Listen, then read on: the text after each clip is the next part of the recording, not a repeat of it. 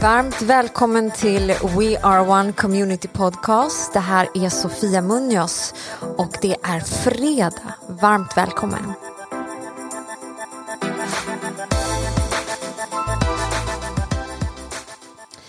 Ja, det har blivit dags för Fredagspodden och det känns eh, så underbart och härligt att vi är tillbaka här. Och eh, idag är det ju en otroligt speciell dag eftersom vi lanserar vår första digitala julkonsert på wowplay.com. Och eh, jag personligen ser så fram emot det här. Och eh, ni har ju hört oss berätta en hel del på runt våra gudstjänster och nu så är Instagram och sociala medier överfulla med reklam för den här julkonserten. Men som ni har sett så har vi spelat in den här konserten på Lejondals slott utanför Stockholm. Och det här var verkligen en dröm som jag fick i mitt hjärta tidigare i år när vi märkte att eh, restriktionerna ökade och att det helt enkelt inte gick att ha en vanlig julkonsert. Så att nu få se hela det här projektet ta form, få se alla människor, få se resultatet, det är helt överväldigande och jag är så otroligt tacksam. Och det är ju så lite speciellt också eftersom den här konserten också är gratis. Och det här var också någonting vi verkligen hade i våra hjärtan att när vi verkligen gör den här konserten digital så vill vi också att så många som möjligt ska kunna få tag på budskapet. Så många som möjligt ska kunna se den, vi vill sprida den, vi vill att, att budskapet om julen, om Jesus verkligen ska gå in i varje hem. Så det är helt fantastiskt. Och jag vill också ge en highlight till våra fantastiska sponsorer. Som ni förstår så kostar det en hel del att göra en sån här produktion men utan våra eh, trogna sponsorer som är Svarking, Totalfönster, Go Team, Amadeus förskolor och See and Do så hade inte det här varit möjligt. Och sen vet jag också att många i vår kyrka har gett av sina personliga eh, medel för att verkligen stötta upp den här konserten. Så att, Tusen tack till er alla som har varit med och stöttat det här projektet och det är lika mycket er lycka att få se det här som det är våran. Så vi ser fram emot det. Men någonting som jag vill berätta lite extra om i den här podden det är en film som vi också har spelat in till den här julkonserten som vi gjorde på Gotland under oktober. Och för er som har varit på vår julkonsert tidigare så har ni ju sett eh, våran lilla kortfilm om Josef och Maria som vi är väldigt stolta över. Och eh, det har funnits en längre tid en, en dröm i våra hjärtan om att göra en längre version av den här filmen. Och vi har inte riktigt haft möjligheten och tiden att göra det här. Men nu under nedstängningarna så såg vi vår chans att, att kunna lägga lite extra tid på att göra den här filmen. Så i oktober så åkte vi ett litet team till Gotland och eh, vi filmade då en, den här längre versionen som faktiskt är nio minuter lång. Och vi har filmat eh, i en grotta, vi har filmat eh, i ett gammalt militärfort, vi har varit på massa olika platser på Gotland. Och ni kommer få se resultatet nu under helgen. Men det som har talat så starkt till mig eh, när, jag har, när vi har tittat på den här filmen och vi har pratat om det, det är verkligen den enkelhet som Jesus kom i till den här jorden att få spela in den här filmen i en, i en enkel grotta utan liksom några Ja, det fanns liksom ingenting i den här grottan. Vi var tvungna att ta med oss allt för att kunna göra den här filmen. Men att, att bara kunna föreställa sig hur det var när Jesus föddes i ett enkelt stall för mänskligheten, det är ett sånt bevis på att han är för alla människor. Han kommer inte för människor som är rika, han kommer inte för människor som har allt perfekt i sina liv, utan han kommer för enkla människor som längtar efter hoppet, människor som längtar efter ljuset. Och eh, bara den grejen att att ha fått filma den här filmen om Josef och Maria i ett, i ett enkelt stall, i en enkel grotta och sen avsluta på ett slott visar enkelheten i det, i, det, i, i det som Jesus har gjort för oss men också att han är Guds son. Att han är en kung i våra liv. Så äh, det här budskapet som vi vill förmedla genom den här filmen det är verkligen för alla. Och jag tror att du kommer se när du, när du tittar på den här filmen att det är så otroligt vackert gjort.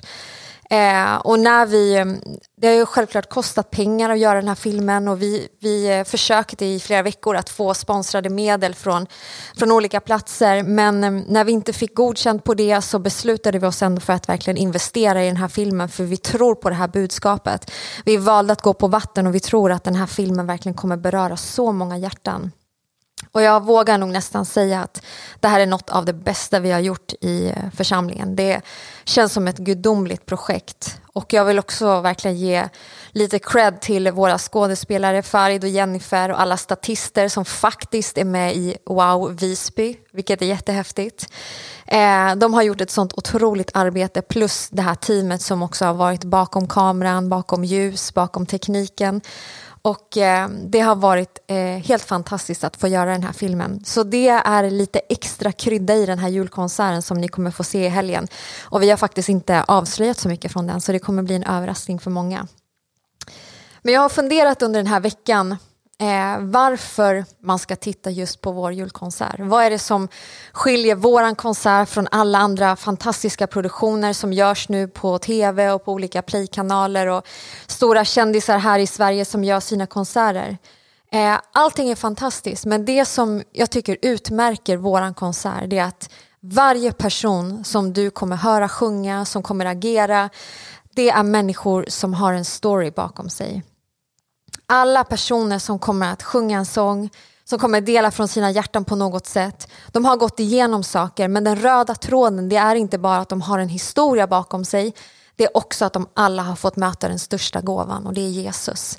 Så jag tror att ditt hjärta kommer inte bara bli glatt av att få höra en mängd vackra julsånger utan du kommer också få möta Jesus genom varje person som du ser under den här helgen till och med Josef och Maria i den här filmen, varenda liten detalj, varenda person, varenda statist har fått ett möte med Jesus.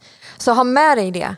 Och du får verkligen inte missa den här konserten. Och se till att ingen du känner missar den här helgen också, utan den kommer vara så speciell.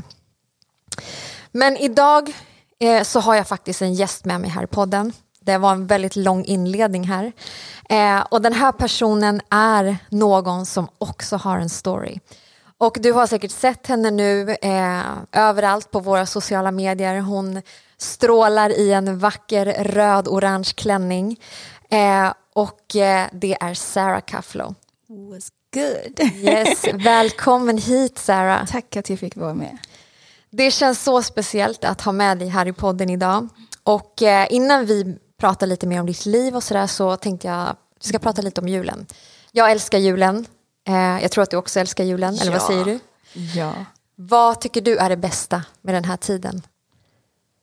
Mm, värmen tycker jag. Det är jättekallt ute med familjen och allt och maten. Det blir värme hemma tycker jag. Uh, och jag mysigt. älskar den känslan. Det är, det är jättemysigt. Ja. Har du något bra julklappstips då? Parfym. Parfym. All day, every day. Köp parfym. Jag fick faktiskt tio förra året. Är det sant? Jag fick tio. och jag var jätteglad. Ja, men det är bra, det är sånt som går åt faktiskt. Ja. Vad är den bästa jullåten då skulle du säga? Oh come, oh come Emmanuel. Varför är den den bästa låten? För um, jag älskar texten. Alltså texten handlar verkligen om vad julen handlar om. Och jag älskar att det står Immanuel. Immanuel är Gud är med oss. Mm. Alltså det är inte Jesus. Kom Immanuel, kom vara med oss under den här julen. Den bara, jag älskar den här låten. Mm. Ja. Den är fantastisk. Ja, den är jättevacker. Ja. Men eh, om vi ska prata lite julkonsert då. Mm-hmm. När, vi, eh, när du sjöng din låt och jag stod där i produktionsrummet så strömmade mina tårar ner för mina kinder. ja. eh, det var så otroligt vackert och nu kommer alla få se det här i helgen. Men eh, när vi satt sen och pratade efteråt så, mm. så sa du någonting speciellt och du sa så här att tänk att Jesus tog mig ända vägen till Sverige, hela vägen till Sverige för att jag skulle tillbe honom på ett yes. slott. True story. Och de orden grep verkligen tag i mitt hjärta. Mm. Tänk att Jesus tog mig hela vägen till Sverige för att jag skulle tillbe honom på ett slott. Mm. Varför sa du de orden? Alltså, när, när jag var på väg till slottet, den enda jag tänkte på, alltså jag såg inte slottet. Alltså jag har aldrig hört om, jag har aldrig sett något slott eller varit i ett slott. Men det jag kommer ihåg från min barndom var att jag alltid liksom varit i mitt rum och fick inte gå ut och allt det där. Och för mig att prisa Gud i en kyrka var ett stort grej än alltså ett slott. Det var typ en annan nivå. Det var något som jag aldrig drömt om. Jag alltid drömde om att gå till en kyrka, vakna tidigt, tillbe Gud. Så det, är, det är inte en självklarhet att man kan gå till kyrkan. Mm. Men den var min dröm. Men Gud var okej, okay, nu är det klart med kyrkan och kom till ett slott och tillbe mig där också. Så det var typ verkligen härlighet till härlighet. Så det är därför det bara it hit me. Ja. Alltså att det är Gud som tog mig hit. Det är inte ett flygplats, alltså biljett som jag bara okej, okay, jag ska åka till Sverige och sjunga, prisa Gud i ett slott. Det var verkligen Gud. Så det var verkligen något som rörde mitt hjärta. Det var ett mirakel för mig. Ja. Men du kommer ju från Saudiarabien från början. Yes. Kan inte du berätta, så här, var, var, var kommer du ifrån? Din bakgrund? Yes. Jag heter Sara. Folk kallar mig för Sarah, men det är okej. Okay. Jag är 24 år gammal och jag är född och uppväxt i Saudiarabien. Mina föräldrar flydde till Saudiarabien för det var krig i Eritrea, så jag är eritreansk. Men jag var född och uppvuxen där. Och um, ja, jag gick i skolan där och hade min barndom där. Hela min tonåringsår, alltså allt tills jag var 18. Och um, där var det lite annorlunda än, än Sverige självklart. Mm. Um, när På jag- vilket sätt var det annorlunda? Alltså det var först och främst det var ett muslimskt land. Så det är alltid liksom att ha slöja, tjejer fick inte göra så mycket grejer. Eh, let alone drömma om att vara i ett slott. Du kan inte ens gå ut. Alltså i den tiden när jag var där, jag kunde inte ens gå ut och kasta sopor. Eller gå ut och köpa mat ensam om jag inte hade en man. Så det var verkligen speciella tider, alltså då, när jag var i Saudiarabien. Så jag är uppvuxen eh, i, alltså alla som var omkring mig var muslimer. Och det var det jag var först introducerad till, fast jag var kristen. Mina föräldrar är kristna. Men ehm, ja, jag gick i skolan, hade ett fel efternamn. Jag var Sara Javer, fast jag, var, jag hette Sara Gebro för att mina föräldrar var rädda att säga att de var kristna. Så det var, det var lite hidden identitet alltså sen början. Så jag fick aldrig säga mitt riktiga namn om jag var inte omkringad av vänner eller i skolan som de redan visste om. Så jag var alltid försiktig som ett litet barn. Här i Sverige man kan gå runt och ingen frågar dig vem du är eller vart du ska. Så det, det är helt annorlunda. Verkligen. Mm. Men varför kom du till Sverige då? Ja, jag, jag tror alltså den största anledningen var att på grund av religionen. Att jag var född, som, alltså, jag var född i ett, ett land som är muslimskt och mina föräldrar var kristna och jag hade ett, ett helt identitet som jag sa. Men som, som en liten tjej, jag gick igenom jättemycket mycket svårigheter som eh, mina föräldrar vet om eller inte vet om. Men det var alla som har gått igenom det så jag trodde alltid det var normalt. Så till exempel det var väldigt eh, mycket våld mot tjejer. Och eh, med massa med kidnappförsök och våldtäkt och allt det där. Sen jag var tio så hade jag redan sett alltså, flickor som blev våldtagna av andra. F- när jag var tio. Så jag, jag, mina föräldrar visste om den här äh, trauman eller typ så här att tjejer går igenom det men de visste aldrig att deras dotter går igenom det. Deras största ehm, mål var att mina, mina barn ska inte uppväx, alltså, bli uppvux- uppvuxna i Sverige. Nu hör mitt svenska. Men det var deras alltså, dröm att vi ska vara trygga.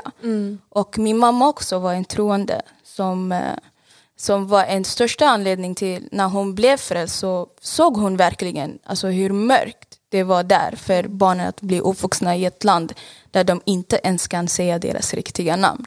Så det var en största den största anledningen till varför vi flydde, jag och min bror. Så dina föräldrar blev kvar där? Mina föräldrar, min pappa är kvar där. Min mamma är inte kvar där, tack Jesus. Ja. Men vad hände då? Det, det var ju lite kaotiskt när ni skulle flytta hit har du berättat för mig. Ja, det, alltså, det var speciella tider. Eh, vi trodde inte att vi skulle komma till Sverige. Sverige var inte målet. Vi var inte, ja ah, men ah, vi ska till Sverige nu, det är klart. Det var inte så. Eh, det var mer av typ eh, att eh, det var någon man som skulle hjälpa oss att fly. Och eh, den där mannen råkade liksom ge fel information eller jag vet inte. Han var så otydlig, han var så alltså, mysterious man. Och eh, då sa han till oss att ah, men ni ska inte åka och jag kan inte alltså, fixa er en pass längre. Och sen så säger han att det är förstört. Och sen lämnar han bara våra papper och bara går. Och sen jag, jag är det här på flygplatsen? Nej, Nej, det var hemma. Ja. Och, eh, och sen jag tänkte, ja men det är bra. Inuti jag tänkte, men det är bra. Jag ville inte liksom gå ut från den här bekvämligheten. Mm. Men eh, då tänkte jag, nej men det är inte det Gud vill ha. Så jag kommer ihåg min bror var så arg, nu jag kommer snitcha lite på min bror, men det var true stories. Han var jättearg den dagen. Han bara, nej jag orkar inte leva här längre. Och även, det är inte bara tjejer som går igenom saker, han gick igenom hans egna stories också. Alltså, det var kvällar där han går ut till grannen och han är i fängelse bara för att han var kristen. Och han ska sitta där 24 timmar, så det var inte roligt för honom heller. Mm. Men jag tänkte den där dagen, alltså nej, det här, det, det kommer att gå. Och sen så jag kommer ihåg han sprang till min mamma för att säga till henne att det gick fel. Och sen jag bara nej, jag ska tala liv. Mm. Jag ska först säga till henne de goda nyheterna och sen säger han vad han ville ha. Så jag sprang till min mamma när hon kom från jobbet och jag bara ja, vi ska åka. Och sen så öppnade hon dörren och sen sa hon till mig varför ljuger du till mig? Jag bara nej mamma vi ska åka. Och så jag började packa. Och jag packade, så hon trodde jag var galen. Fast det var hon som var troende och jag var hennes dotter som hon försöker vara att jag ska vara troende. Men det gick faktiskt. Och eh, vi åkte till flygplatsen och eh, där blev det kaotiskt också. För vi fick inte åka, så vi åkte till ett annat stad. Och där behövde jag ta av slöjan. låtsas som att jag pratade bara engelska för någon anledning för jag trodde det var något prestige i det. Mm. Och sen min bror var min tolk. Och sen det var på det sättet som vi fick bara flyga hit. Ni fick komma igenom? Vi fick komma igenom. Wow. Yes. Men vad hände när ni kom hit till Sverige då? För hur gamla var ni? ni var... Jag var 18. Uh. Och min bror var 19, 20. Någonstans där. Och um, ja, när jag kom till Sverige blev direkt deprimerad. Direkt. Alltså hela mitt liv var en lögn känns det som. För jag gick från den tjejen, jag kommer ihåg jag blev, eh, någon sa till mig gå och köp bröd. Och jag fick ångest. För jag hade ingen slöja på mig och hon, det var, den personen sa nej din bror får inte följa med, du måste själv göra det. Och den personen, du hade aldrig gjort det? Jag hade aldrig gjort det. Och den personen trodde det var en läxa. För mig det var typ så här ångest. Jag bara, hur ska jag gå ut? Alltså, förstår hon inte? men hon trodde det var en utmaning och det var bra. Men mm. för mig det var typ så här, jag kommer ihåg när jag var på väg dit. Var du rädd? Jag var rädd. Mm. Jag visste inte vad jag skulle förvänta mig. För varje gång jag gick ut, det var någon man som försökte liksom uh, alltså chase me by a car. Eller det alltid händer någonting. Och även när man är i taxi. Jag kommer ihåg att jag var i en taxi och sen han försökte hoppa på alltså, i bakbilen. Alltså det var så försiktig jag var. Jag visste alla tekniker, vart, hur man ska springa iväg och allt det där. Men jag visste inte Sverige, alltså jag visste inte vägen till centrum. Så jag hade ingen väg att springa om det är någonting. Nej. Så jag var jätteförsiktig och jag kommer ihåg Eh, jag postade den på Facebook som en achievement. Men alltså, när jag kom till Sverige det var verkligen alltså, ett helt annat liv. Mm. Det kändes som att alla i hela världen alltså, lied to me. Mm. Det var ingen som sa sanningen till mig att folk fick leva så här. Mm. Och att ha options, den där var en chock för mig. Alltså, mm. Jag visste inte vad jag ville vara. Jag visste inte vad jag ville studera. Men under den här tiden när du kom till Sverige, då bodde du på en flyktingförläggning också med en massa andra ja, människor? det gjorde jag också. Jag tror det var jag, någonstans i Dalarna. Mm. Det var i Dalarna, i um, Horndal eller Avesta någonstans där. Mm. Alltså det där var den tuffaste tiden av mitt liv där man får ingenting. Man, du får inget svar, du ska bara vänta tills någon säger till dig nu får du leva. Mm. Och det var... Otroligt. Ja. Men hur sen så kom du till eh, Stockholm. Mm. Och du kom till den här kyrkan. Då ja. hette det Södermalmskyrkan, nu heter det We Are One Church. Ja. Hur var det mötet? Och du sa innan här att när jag var liten så drömde jag om att få komma till, till alltså stå i en kyrka och prisa ja. Gud. Hur var det att komma till en kyrka här i Sverige? Alltså det var verkligen den enda drömmen jag hade då, det jag kunde tänka på, var att ha utan abaya och mm. komma till en kyrka liksom den känslan ville jag uppleva. Eh, det, var, det var väldigt annorlunda. Det var inte som jag hade förväntat mig. Jag förväntade mig att jag ska gå in och jag ska vara frimodig och allt det där. Men jag gick in och det, alltså det var jättemycket människor. Och det var barn och vuxna och det var blandat. Och jag kommer ihåg att folk bara lyfte upp deras händer. Och jag satt där och jag bara, hur vågar de göra det? Alltså för mig, jag vågade inte göra det. Jag vågade inte lyfta upp mina händer. Det var någonting, jag trodde jag skulle vara mer modig än det jag var. Mm. Men jag var val, alltså, verkligen liksom on the watch. Att någon skulle komma in. Och, eh, och det har hänt ju massa gånger att det är någon församling i Saudiarabien som de hittar och sen så det är folk som blir fängslat. Så det där var in the back of my head fast jag inte visste om. Ja. Och sen så när folk lyfter upp deras händer, alltså de, de kollar inte vänster eller höger eller vem kollar på dem. Folk var verkligen fria. Och det var hopp och samtidigt också, jag kände mig hopp, hopplös. Mm att ja, den här kommer jag aldrig nå. Mm. Alltså den här nivån av att... Det kändes så långt ifrån? Det kändes så långt ifrån. Alltså det var alltid, varje söndag jag kom jag bara okej, okay, idag är min sista dag. Men det var aldrig, det blev, sista dagen aldrig kom. Så nu har det gått vad, fem år sedan jag var i församlingen. Fem år sedan du kom till kyrkan? Till kyrkan, ja. Och hur, mm. hur känns det idag när du kommer till kyrkan? Alltså det är en helt annan frihet. Alltså det är en helt annan frihet. Mm. Jag kan sitta här framför dig och jag vet att jag har sagt det här flera gånger till dig. Men alltså jag kan verkligen sitta här och framför människor och säga jag har inga hemligheter. Mm. Alltså att leva i ljuset, att leva okej. Okay, jag vet inte vad som kommer hända i framtiden men jag vet att jag har en Gud som är framtiden. Mm. Så den där ger mig en annan trygghet. Att just, alltså, saker som jag har sett i min barndom som en liten flicka som påverkade min personlighet, min relation med mina föräldrar, min relation med andra människor. Mm. Existerar inte för det finns inga hemligheter. Nej. Alltså jag är vem jag är. Det är därför det står på min Instagram, living as Sarah. Mm. Så nu lever jag as vem Gud vill att jag ska vara. Wow. Så ja, det känns befriande. Mm. Är det där ett ord ens? Är det ett ord? Absolut. Men jag tänker så här att människor som eh, har gått igenom mycket svårigheter i sina liv. Mm. Du har inte ens berättat en procent av allt du har gått igenom. Men när man liksom bär med sig saker från sin barndom, från liksom hur man har levt och allt det här så kan man ibland ha svårt att drömma för framtiden. När du var en liten flicka och du bodde hemma och du drömde om att lyfta dina händer i kyrkan så visste du ingenting annat. Alltså det var din värld. Mm. Sen har du lämnat dina föräldrar. Eh, det har gått sex år. Mm. Eh, och eh, jag vill fråga, liksom, vem, vem är Sarah idag? Vad drömmer du om, Sarah? För jag vet att du har, du har verkligen fått ett möte med Gud. Mm. Och Gud har fått hela ditt hjärta. Som du säger, jag har inga hemligheter. Mm. Så du säger att du lever som Sara idag, som Gud har skapat dig att vara. Men vad drömmer du om för framtiden? Vad jag drömmer om? Alltså, jag, ska, jag, jag tror jag drömmer om massa saker på en gång. Och det blir typ så här all over the place från en person som inte hade drömmar.